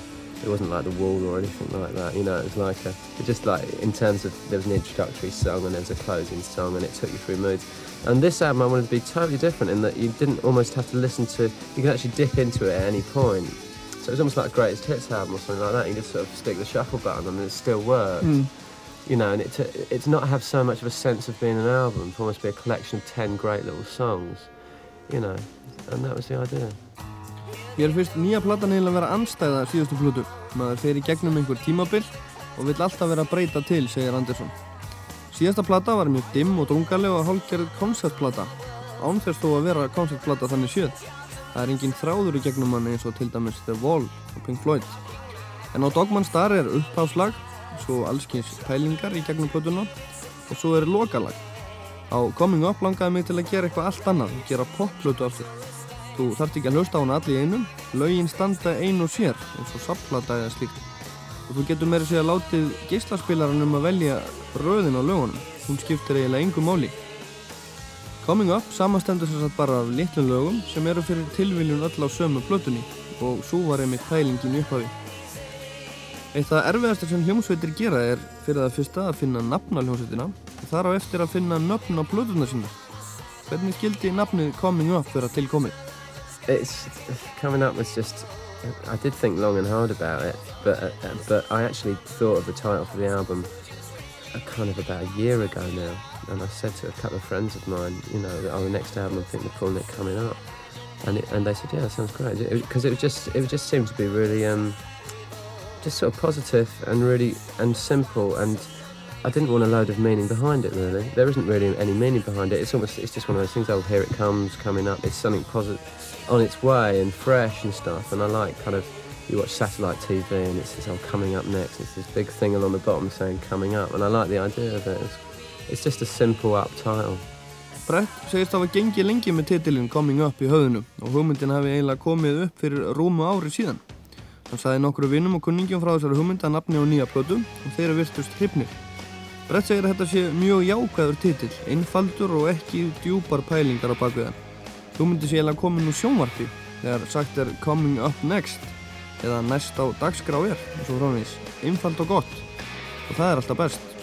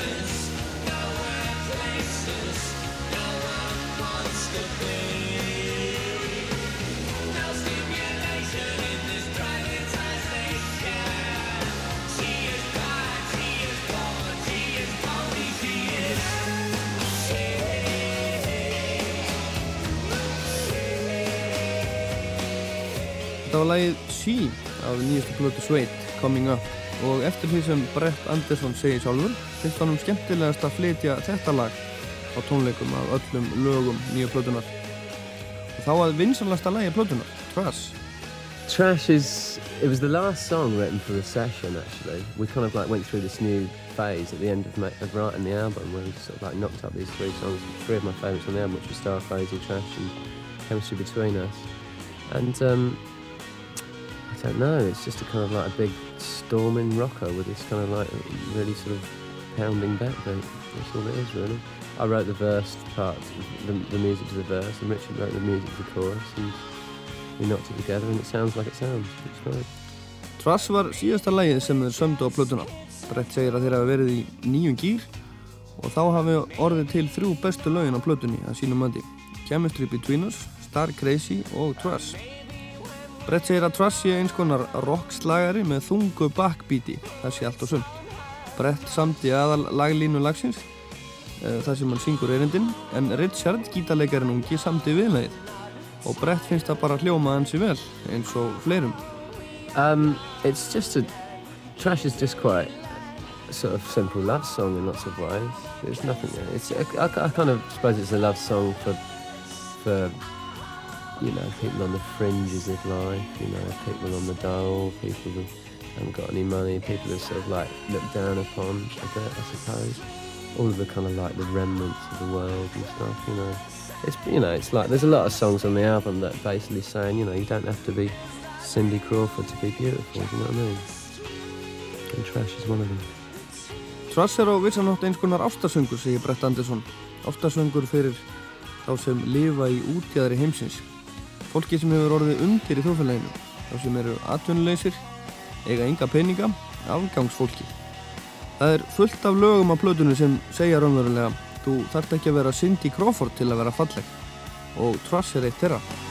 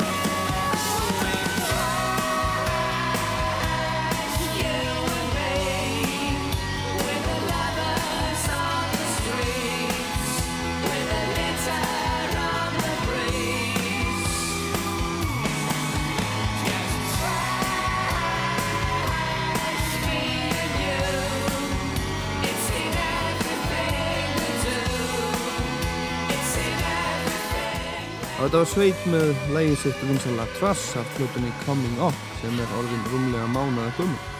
Og fyrir þá sem eru áhuga samir um þessa skemmtilegu hljómsveit er ég með meira efni með Brett Andersson undir hundum og þið fáið að heyra það eftir svona 2-3 vikur en segjum þetta nóg í billi. Þú ert að hlusta á Rockland á Rástvöðu. Eins og þeir vita sem fylgjast með músík eða hafa gert að undanfari 40 ár gengur allt í hringi eins og tískan. Núna síðustu 2-3 ár hafa það verið bítla hljómsveitir sem hafa verið hvað vinsilastar í bland við allt mögulegt annað að sjálfsögðu. En nýja bítlið hefur verið mest áberandi í dægalega heiminum. Við erum búin að fá okkar bítla í Oasis, Kings, byrtist í líki Blur, Who sem hljómsveitin Dodgy og núna er Pink Floyd endur fætt á vissan hátt í hljómsveitinni Kula Shaker en sækadeli áhrifin skínaðar vel í gegn. Kula Shaker er kombo frá London, skipa fjórum ungum piltum. Þar er að vera einn sem er sonur barnastjórnunar, leikonar Hayley Mills og barnabarn leikarans John Mills. Pilturinn heitir Crispian Mills og spilar á gítar og syngur. Kula Shaker var nýlega kosin besta hljómsveit breyta í árlegri keppni sem kallast In the City Contest. Sveitin fór sem uppbytunaband með Presidents of the United States of America í tónleikatúrum Breitlands nefna á þess ári sem þótti vel hefnaður og núna í ágúrt síðastlegin spilaði sveitin á Reading hátíðinni í Englandi. Fyrsta smáskífulag, Kula Shaker, It's Grateful When You're Dead, vakti eiginlega enga aðtegli fyrir en það var gefið út í annarsinn eftir að smáskífa nr. 2, lagi Tattoo, var búið að gera það nokkuð gott á vinsældalistanum í Breitlandi og komst inn á topp 5. Þriðja smáskífan kom svo út fyrir stöttu og ekki er það lag síðara en hinn tvö. Það heitir Hey Dude og er dundur slagari. Öll þessi þrjú stórgóðu lög er að finna á hálsmánaðar gammalli plötu sem heitir K, eða K og er alveg stór skemmtilega að mínu mati. Þeir sem skipa Kula Shaker, auksöngvaras og gítarleikaras Crispian Mills eru þeir Alonso Bevan, bassarleikari, trommarinn Paul Winterhart og orgelleikarin Jay Darlington. Hello, my name's uh, J. Peter Darlington, and I play Hammond organ for a modern beat combo called Kula Shaker. Hello, I'm Paul Winterhart, and I play the drums.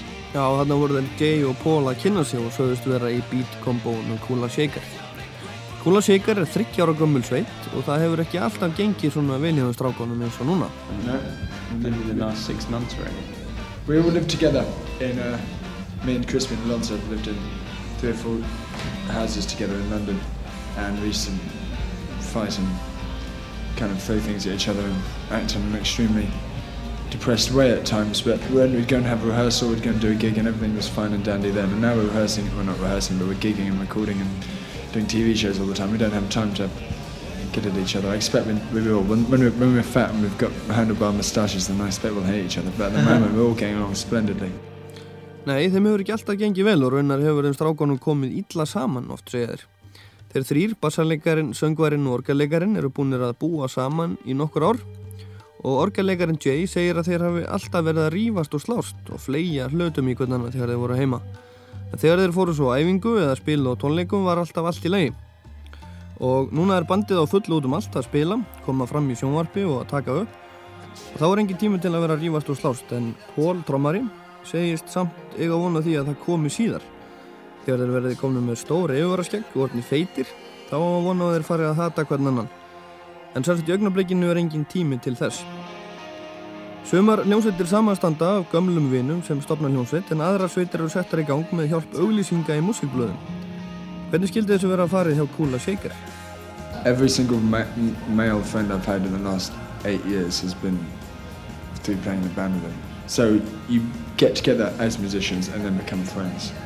And the longer the band goes on, or the longer you're together, then the, the better you get to know each other, both psychically, musically, positively, negatively, etc. Trommarinn Pól sagði þarna að hver einasti vinnur sem hann hefur eignast undanfærin 8 ár sé tónlistamæður og eftir því sem hljómsveit lifi lengur því lengur halda menn saman og kynnast betur bæði tónlistarlega og sálarlega og þá var nýjasta smáskífuleginu þeirra Hey Dude We've been playing it a long time. We've been opening up the set with it a long time. We'd come back on tour with the Presidents of the United States of America, and we came back and we did. We went in the next day with John Leckie, and we just banged it out. Rather, we blasted it. Release our albums, you know, as opposed to singles. You you got to release singles to get people None of us buy into your albums, buy singles, do we? No. We don't buy that many albums, but we have done, obviously. As we go. He does. He, buy he spends loads of albums. Hey Dude er ekki nýtt lag en þeir hafa notað það sem fyrsta lag á tónlingu sínum lengi Daginn eftir að þeir enduðu túrin með Presidents of the United States fóru þeir í stúdíu með upptökustjóranum fræga John Leckie og dundruðu læginun á band Þeir segjast ekki vera mjög hrifnir af þessu smáskífu fyrirkomulegi þessu meira fyrir heilar breyðskjúfur en til að vekja aðtegli fólks á breyðskjúfu þarf jú vist að gefa út smáskífu he buys, spends all his money on jazz. He's Jazzo. Jazzo, the bass player's Foco, I'm Rocco, and Crispian's of Indiano. Instead of being muso, we try not to be muso, we just sort of subdivide muso tastes into that. We're, we're, we're already thinking, you know, people ask us what, you know, what the new album's going to be, what the next album will be, or what, you know, where, the, where you think the direction of the band will go. We, we're not kind of sure of that, we leave that up to fate. But we do know we want to get some serious beer guts, moustaches, and solo albums going. Þetta var Jay Darlington, orgelleikari Kula Shaker og hann var að segja að Paul Trommari eitti öllum sínum peningum í plötur og var eðalega fyrir jazz. Alonso bassarleikari var í þjóðlagadildinni, hann sjálfur var í rockari og gítarleikarinn og söngvarinn. Crispian væri fyrir svona indverska músík og svoleiðis pælingar.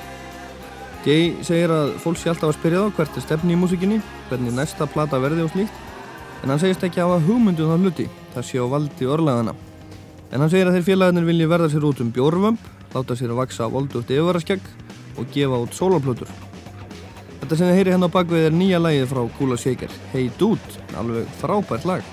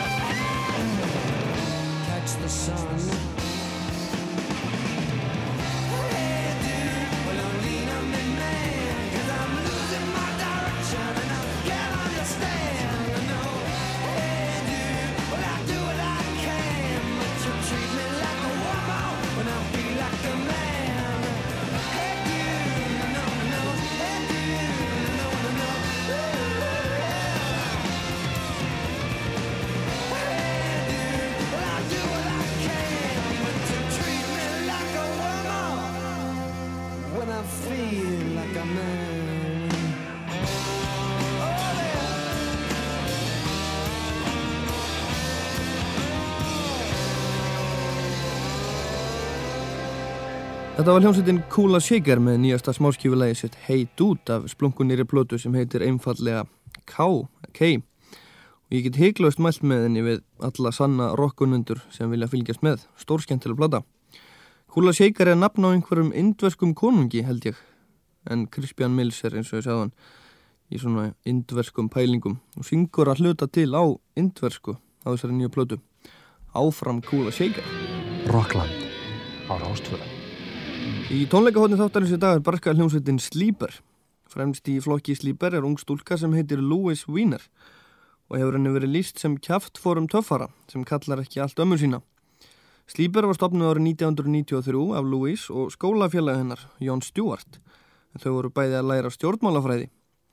Louis semur alla texta Sleeper og eru þeir yfirleitt mjög opinskáir og personleir, engin tebrúskapur þar á ferð og oft á tíðum fjallatekstarinnar um aðra hluti en fólk syngur um svona yfirleitt.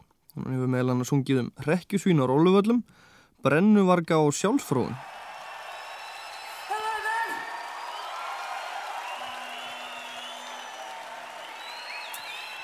Swallow.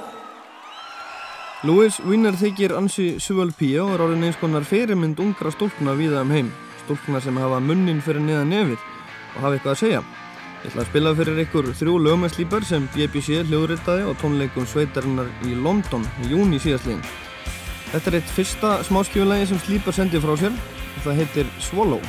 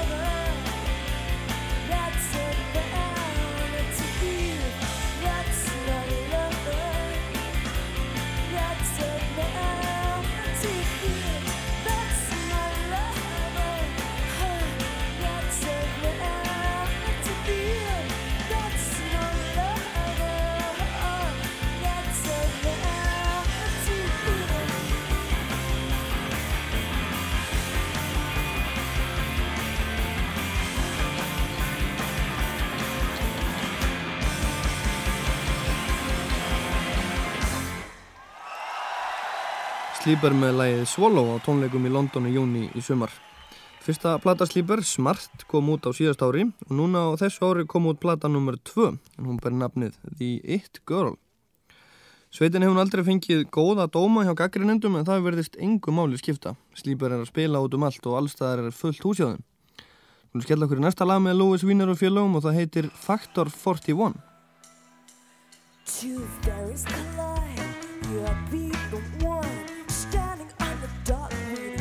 first day sun, the ice age arrived.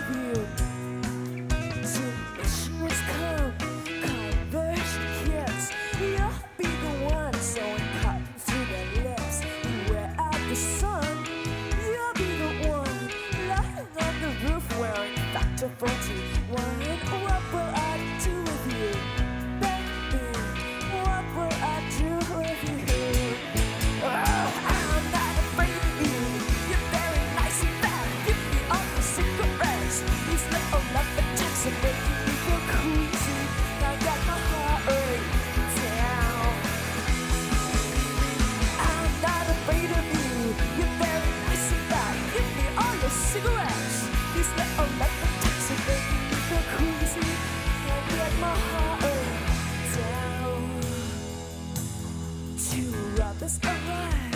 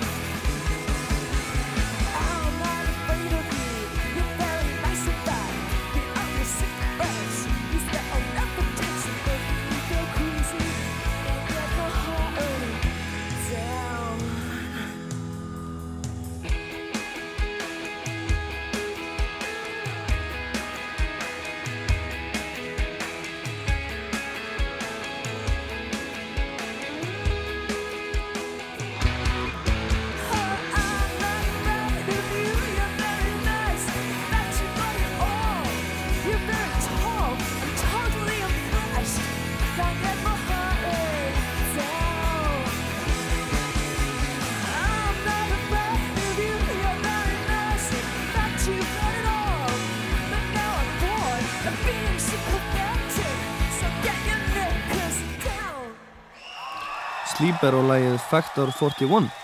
Þó svo að Louis Wiener hafi munnin fyrir niðan nefið og liggi ekki á skoðunu sínum og hafi aldrei gert var hún óskaplega feimin og óframfærin þegar sveitin byrjaði að koma fram á tónleikum. Það hefur nú eitthvað breyst í snemma á þessu ári réði sveitin til sín auka gítarleikara sem svo hún geti leikið meira lausum hala á sviðinu, hoppað um og djöblast en hún spilar einni á gítar með sveitinu og hefur gert það frá upphafi. Þriðja og síðasta lægin sem við heyrum frá tónleikum Sleeper sem framfóru í London einhver tíman júni síðastliðin heitir Statuesque.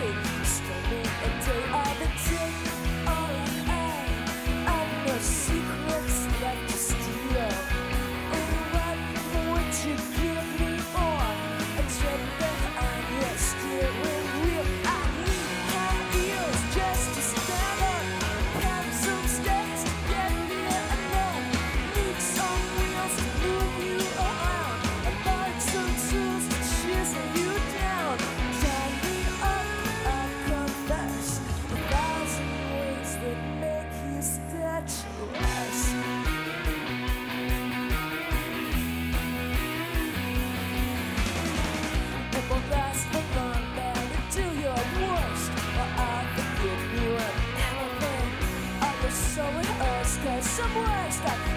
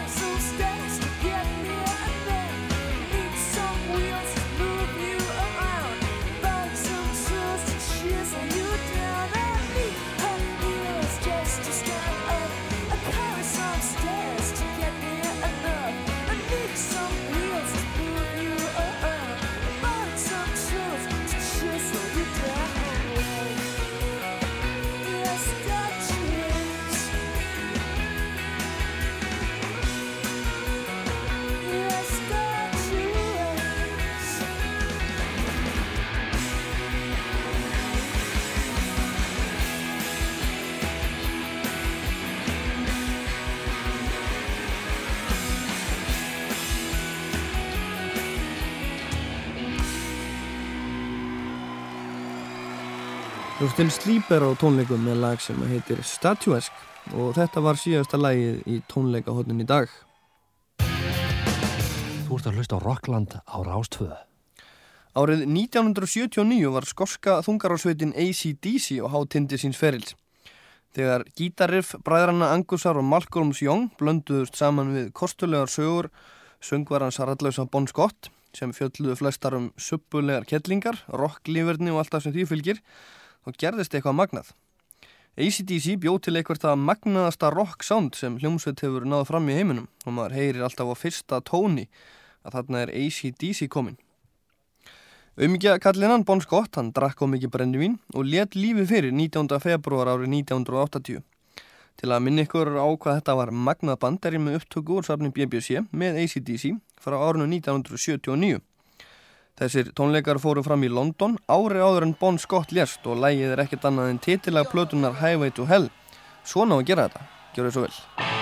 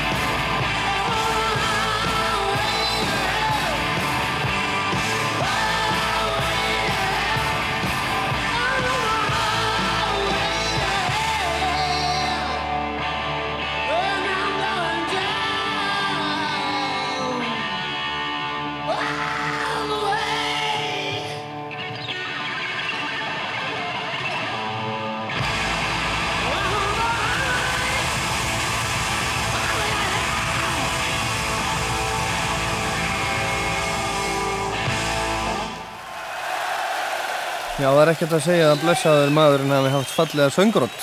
Það, var göm, voru gömlu brínin ACDC með upptöku úr safni BBC frá árunni 1979. Árið áður en Bon Scott, söngvari sveitarnar, týndi lífinu í brennivinsflösku 34 ára gamall. En hann var elstur þeirra ACDC manna fættur árið 1946 meðan Angus Young, gítarleikarinn í skólabúninum, er fættur 1959 og var þar að leiðindaðins tvítur þegar þessi upptaka var gerð í London 79 og var 14 ára þennar stopnaði ACDC 1973. Þeir eru enna rocka á fullu gasi með söngvaran Brian Johnson innanbors sem gekk til liðsvið á árið 1980 mánuði eftir að Bon Scott lest og nokkur dögum setna held sveitin til Bahamaeja og það hljóður þetta á hann mistarverkið Back in Black sem kom ACDC á topp breska vinsaldalistans, hugsið eitthvað það. Afmælisbað þáttarins að þessu sinni er herra Gordon Sumner sem kallaði verið svona dagstælega Sting. Nafni Sting er tilkomið þannig að þegar hann var unglingur eða ungur maður gekk hann alltaf í ból eða svona fótboltapeisu sem var röndótt, gul og svart eins og bífluga, Stingur Sting. Sting fættist í Newcastle á Englandi 2. oktober 1951 og var því 45 ára núna síðasta þriðudag. Hann er alltaf eins og unlingur og heldur sér í góðu formi með jókaæfingum og allskins svoleiðis kukli sem telst ekki beint rock og roll en það hefur verið skera sitt gagn. Til að halda upp á ammælistingsins ætla ég að spila eitt af hans vinsalustu lögum þau eru nú orðin ansi mörg, mjög mörg. Kveikjan að þessu lagi var breski útlægin Quentin Crisp og götu tónlist New York borgar. Þessu upptaka var gerð í hljóðstofu BBC í London fyrir þessu ári. Ég heiti Ólafur Pál Gunnarsson og þetta er Sting með lagið Englishman in New York. Verðið sæl. Like my toast done on one side. And you can hear it in my accent when I talk. I'm an Englishman in New York. You see me walking down Fifth Avenue. A walking cane here at my side. I take it everywhere I walk. I'm an Englishman in New York. Whoa, I'm an alien. I'm alien. I'm an Englishman in New York. Whoa, I'm an alien. I'm alien. I'm an Englishman in New York. It takes more than combat gear to make a man. Takes more than a license for a gun. Confront your enemies, avoid them when you can. A gentleman will walk but never run. If manners maketh manners, someone said, then he's the hero of the day. It takes a man to suffer ignorance and smile. Be yourself, no matter what they say. Whoa,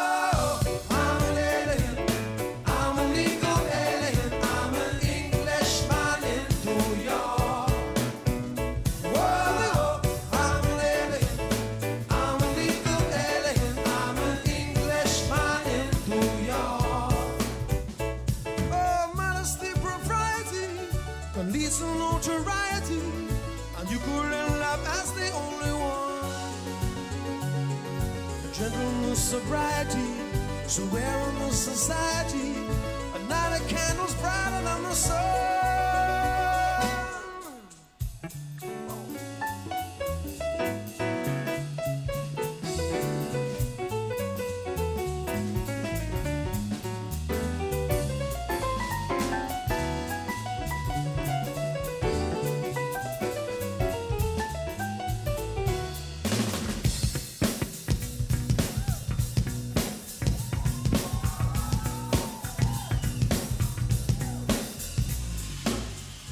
More than combat gear to make a man. It takes more than a license for a gun. Confront your enemies, avoid them when you can. A gentleman will walk but never run.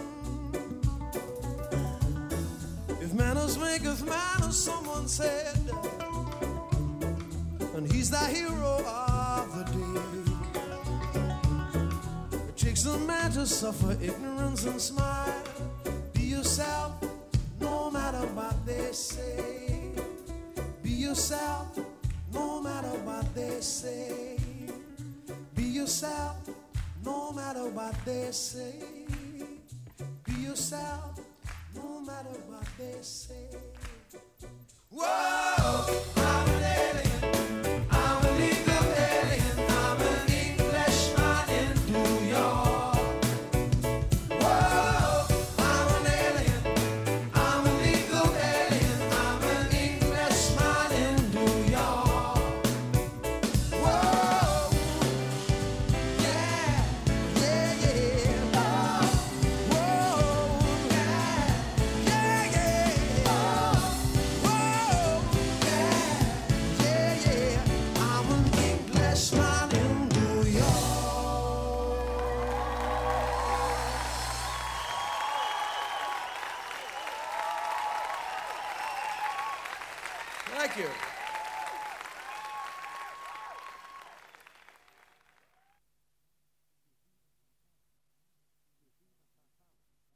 ekki rýfast af hraðanum semst að láta hraðaskynið ekki eh, láta ekki taka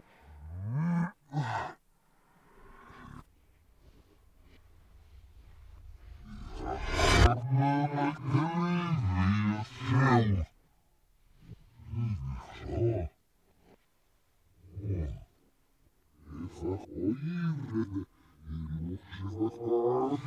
það.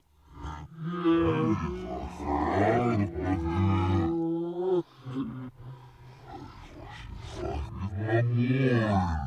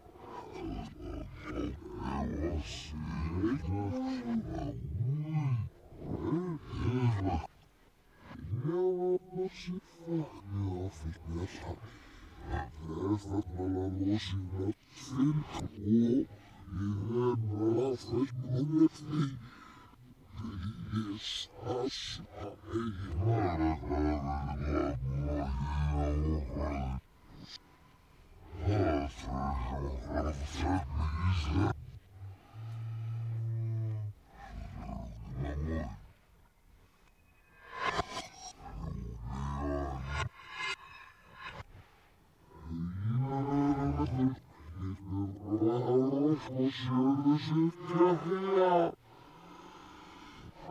What you want? What you want?